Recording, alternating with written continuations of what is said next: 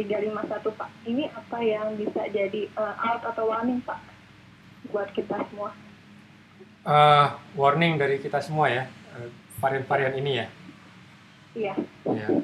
ya sebetulnya gini, apa namanya kalau kita lihat kan varian-varian itu bisa aja muncul ya karena kan itu dari sifat virusnya sendiri yang alami itu satu. Ya. Dan yang kedua karena mobilitas global itu kan memang jadi tantangan juga itu. Artinya mana ya? Uh, kan antar negara juga tidak sepenuhnya saling mengisolasi diri kan, tetap pasti ada perjalanan ter, apa, penerbangan segala macam gitu. Dan itu juga terbukti dari yang pertama kali ditemukan untuk B117 itu kan dari Karawang kalau nggak salah ya sekitar beberapa bulan yang lalu gitu. Iya. Uh, terus sekarang sudah ada lagi yang Afrika Selatan kan yang terbaru ini, walaupun katanya meninggal itu pasiennya. Iya. Nah, jadi uh, jadi pertama yang perlu kita apa kita hadapi ya memang tidak apa ya tidak mudah untuk bisa menyetop munculnya varian itu ya karena tadi alasannya yang karena mobilitas uh, global. Tapi yang kedua hmm. yang jadi pertanyaan adalah surveillance kita gitu. Kenapa uh, seperti misalnya yang B117 itu jadi menarik karena dianggap kalau di, di Inggris itu kan sebagai apa ya uh, faktor pendorong ya terjadinya uh, peningkatan kasus gitu.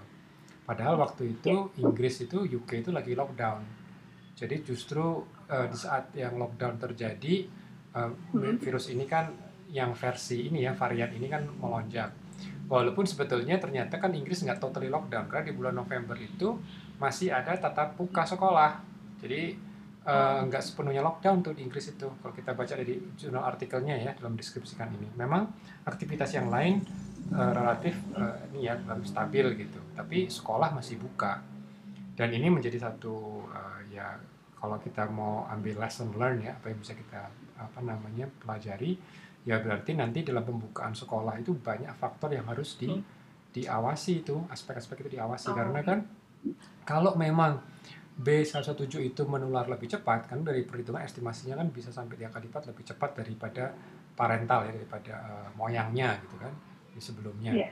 ya itu uh, kenyataannya juga di Indonesia uh, itu belum menjadi varian yang dominan sebetulnya gitu Hmm, Karena ya. kan ini ditemukannya sekitar mungkin dua bulan yang lalu ya, yang pertama kali ya, ya di Karawang. Ya.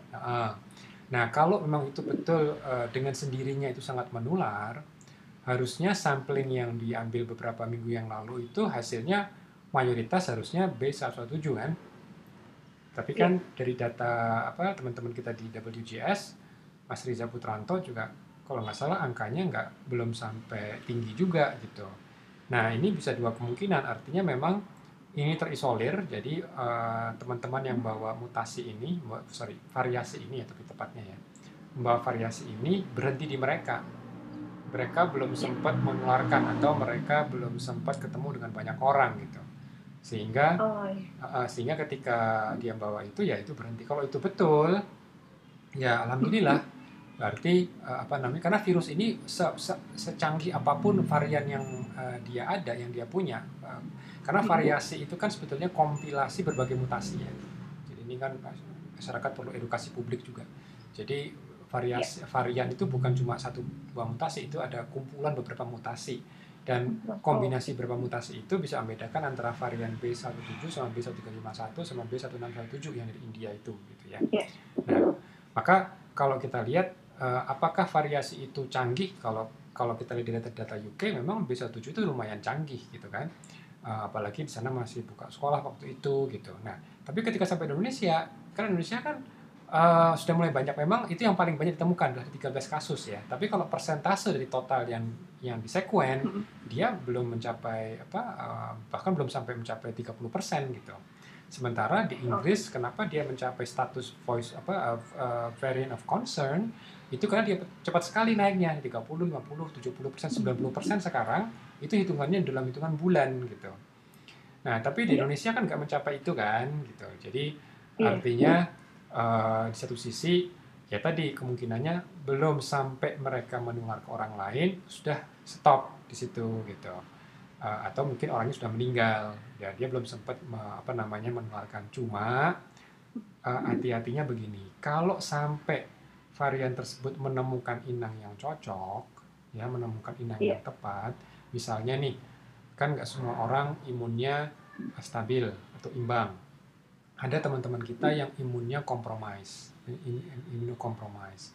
Kalau sampai varian ini menemui teman-teman kita seperti itu, yang terjadi ya bahaya sekali karena nanti eh, bisa muncul kayak pabrik-pabrik virus baru gitu kan dan nanti apa Oh. namanya itu yang harus dijaga makanya kenapa kita harus jaga prokes itu virus ini kan untuk dia bisa menular ke orang lain itu perlu inang gitu loh makanya saya selalu Oh, mengatakan iya. begini itu itu apa namanya kutipan bagus dari Twitter itu seorang eh, ilmuwan dari India mengatakan ya COVID-19 itu disebabkan oleh virus tapi ditularkan oleh manusia Gitu. jadi kalau manusianya tetap jaga jarak ya, tetap jaga jarak mau varian apa pun dia nggak akan berkutik gitu loh.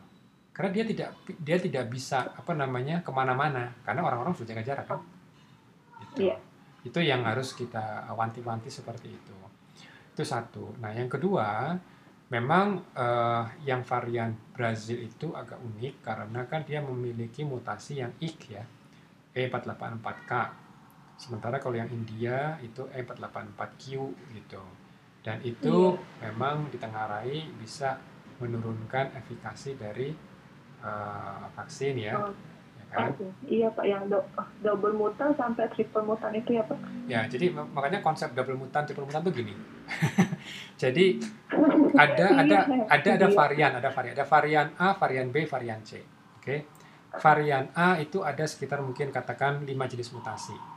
Nah, yang orang awam anggap double mutasi itu sebetulnya gini. Jadi di varian B itu ada 5 mutasi juga, ya kan? Tapi salah satu dari lima itu dia punya similaritas dengan varian yang lain. Nah, itu ada Oh. sekitar dua, dua tambahan gitu istilahnya, dua tambahan yang dia sebelumnya nggak nggak nggak punya. Ya, di varian ini nggak punya. Jadi sebetulnya masalah kan ini kan masalah waktu ya. Jadi varian ini munculnya setelah varian ini, setelah varian yang ini. Jadi ada harus diperhitungkan dari sisi waktunya gitu kan. Nah, kalau kita lihat yang disebut dengan double mutation itu sebetulnya agak misnomer gitu karena sebetulnya bukan double mutation, cuma varian B itu dia memiliki varian yang juga dimiliki oleh va- varian yang lain gitu. gitu. Ah, Jadi ada share. Jadi sebetulnya eh, ya nggak nggak benar kok dianggap ini double mutation. Ini kan cuma istilahnya orang awam mungkin oh ada double mutation gitu. Sebetulnya enggak, bukan double mutation.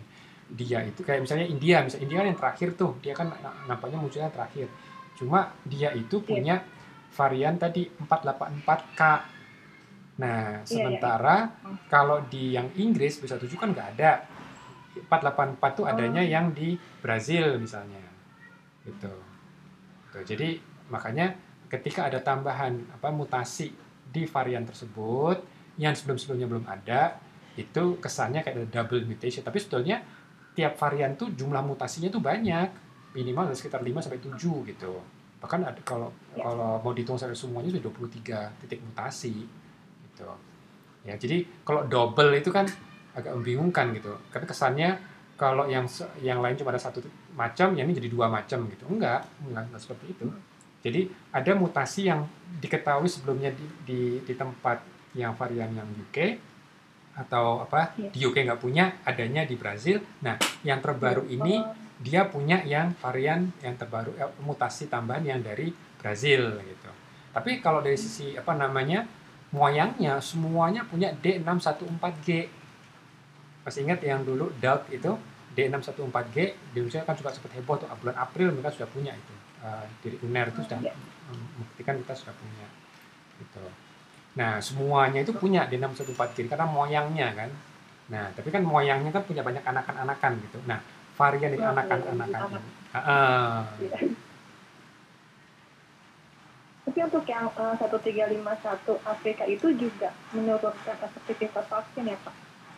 Nah, ini men- menarik. Vaksin itu jadi jadi gini. Eh, kenapa ilmuwan Afrika Selatan itu menjadi sangat concern ya? Eh, Hmm, karena kalau kita lihat varian UK B117 dan apa namanya varian Afrika Selatan itu kan B1351 itu kedua-duanya punya eh, mutasi N501Y eh, yang disebutnya Nelly ya kan Nah, Nelly itu ada di varian UK dan di varian uh, apa namanya Afrika Selatan. Oke. Okay? Bedanya di Afrika Selatan ini ada mutasi yang lain yang apa namanya? Oh. Yang 484 uh, K kalau nggak salah yang IK itu loh, yang IK mutation itu. IK itu di ini nggak ada, di UK itu nggak ada. Gitu. Hmm. Nah, kenapa jadi race? Jadi kenapa jadi variant of concern? Karena ketika mereka lihat timeline orang yang sakit COVID, ya, uh, jadi kan mereka perkirakan varian yang sekarang dinamakan B1351 yang Afrika Selatan itu, Ya. itu itu munculnya kalau nggak salah setelah bulan Juli. Oke, setelah bulan Juli. Sebelum bulan Juli itu nggak ada. Oke.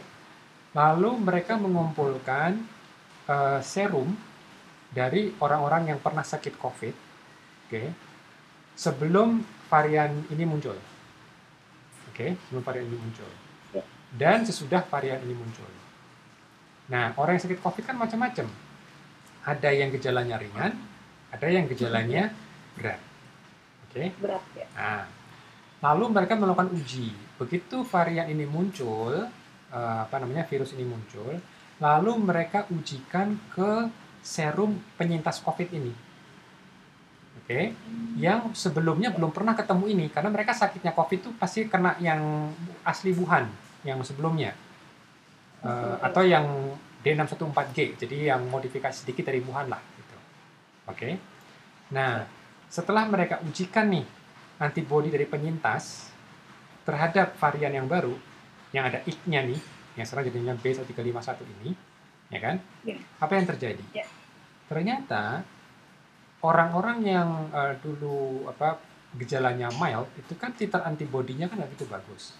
Nah, ketika mereka cek nih antibodi mereka di laboratorium, ternyata Hmm. mereka butuh jumlah yang lebih banyak untuk memblok infeksi ini dibandingkan kalau dibandingkan dengan virus yang masih asli dari Cina. Oh. Jadi misalnya gini, kalau virus yang asli dari Cina atau yang bukan dari Cina asli sih, tapi yang ada, mut- ada mutasi tambahan D614G, ada sedikit modifikasi ya. Oke. Katakan kalau saya bilang ambil angka lah, mungkin dia cukup perlu katakan em, eh, seri, apa namanya seper seribu antibody. Jadi cukup cair ya, seper, seper seribu antibody udah, udah, udah, udah bisa itu untuk memblok. Oke. Nah tapi sekarang bahkan sampai yang namanya tidak didilusi pun, jadi tanpa dilusi sama sekali, masih nggak bisa ngeblok. Artinya apa? Kan antibody udah banyak, tapi nggak bisa ngeblok. Gitu. Hmm. Nah, tapi kalau misalnya mereka apa namanya eh, dari dari pasien yang penyintas yang gejala berat itu kan jumlahnya banyak banget, gak cuma banyak, tapi banyak banget, ya kan? Iya.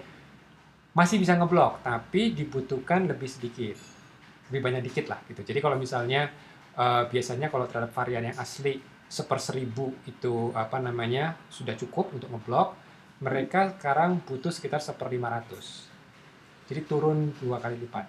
Artinya Oh. mereka konsentrasi yang diperlukan sedikit lebih banyak gitu, dua kali lipat lebih banyak daripada sebelumnya. Gitu.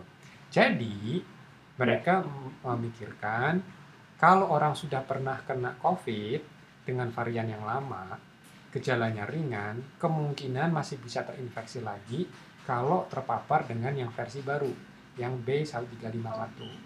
Iya. Itu. Nah, itu yang membuat itu raise alarm. Gitu. Karena kalau varian yang lain tapi bukan yang varian ini, masih bisa dengan titer yang sama. Ikuti. Iya. Baik Bapak. Jelas sekali Pak. Nah, itu yang membuat mereka jadi concern. Nah, kalau mengenai vaksin, kalau vaksin beda lagi ceritanya. Kalau yang vaksin, mereka ambil darah dari orang yang divaksin ya, yang divaksin, dan nampaknya memang bisa mengurangi efektivitas vaksin eh, sedikit berkurang kalau menggunakan Pfizer atau Moderna. Oke. Tapi kalau menggunakan AstraZeneca, AstraZeneca cuma mampu 10% efikasinya untuk menghadapi yang Afrika Selatan ini B1351. Nah, artinya apa? Kenapa surveillance menjadi penting? Kalau dalam suatu lokasi geografis sudah menjadi dominan, sudah banyak 1351, ya berarti kita tidak bisa menggunakan AstraZeneca. Alternatifnya apa? Ya kalau dari data berarti Pfizer, Moderna, Pfizer. uh-uh, atau mungkin yang Novavax. Novavax itu sekitar 60 persen. Uh, tapi di Indonesia belum ada ya. Nah, bagaimana yang CoronaVac atau yang uh, Sinovac? Justru yang menarik kemungkinan Sinovac masih bisa me- apa namanya ada efikasi sekitar 50 persen. Itu data dari Manaus di Brazil. Walaupun memang mereka tidak bisa membuktikan secara pasti ini proteksi terhadap yang apa Manaus eh, yang yang P1 ya, yang P1, tapi mereka melakukan uji di dunia nyata para nakes itu kan di kota Manaus dan di kota Manaus itu mayoritas sudah P1 variannya gitu. Nah ini juga menjadi juga jadi menarik ini karena kan Sinovac atau CoronaVac kalau di Brazil namanya CoronaVac kalau di sini namanya Sinovac itu kan dianggap vaksin terlemah kan? Karena dianggap cuma 50% nih ya kan? Tapi justru data yang Brazil ini menarik. Mereka masih mampu untuk menahan orang jadi sakit apa eh, gejala sedang sampai berat itu sampai 50% sebetulnya. Jadi emang begini eh, apa namanya Mbak eh, Fitri. Jadi eh, pertama sih terkait varian kita harus harus ridho dulu nih. Kita harus betul-betul menerima kenyataan ya menerima kenyataan varian itu pasti akan ada. Oke? Yang kedua memang dampak terhadap oh, oh putus ya? Sampai di mana tadi saya ngomong berapa lama tadi ya? Jangan-jangan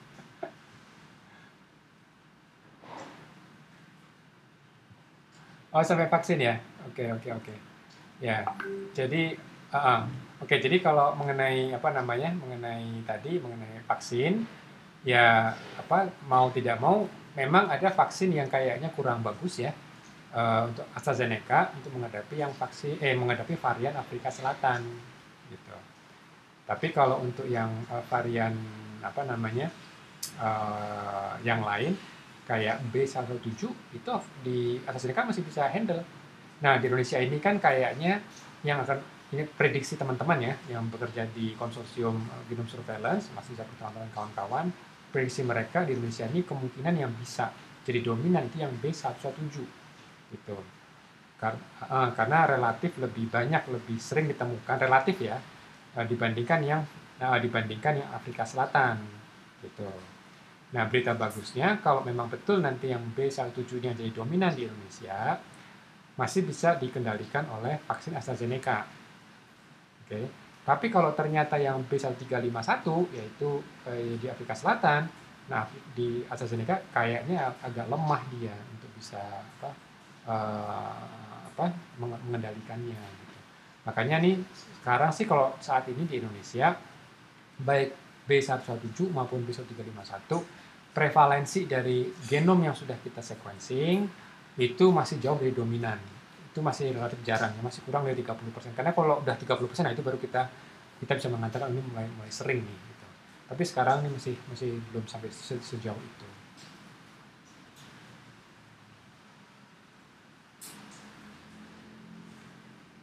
Yakin nih jelas nih. Kok nggak kok nggak nanya. Maksudnya benar-benar jelas ya? Oke oke oke ya sudah ya kalau misalnya bingung ya. Boleh boleh boleh. Siap siap siap. Ya sama-sama. Terima kasih sama-sama. Mari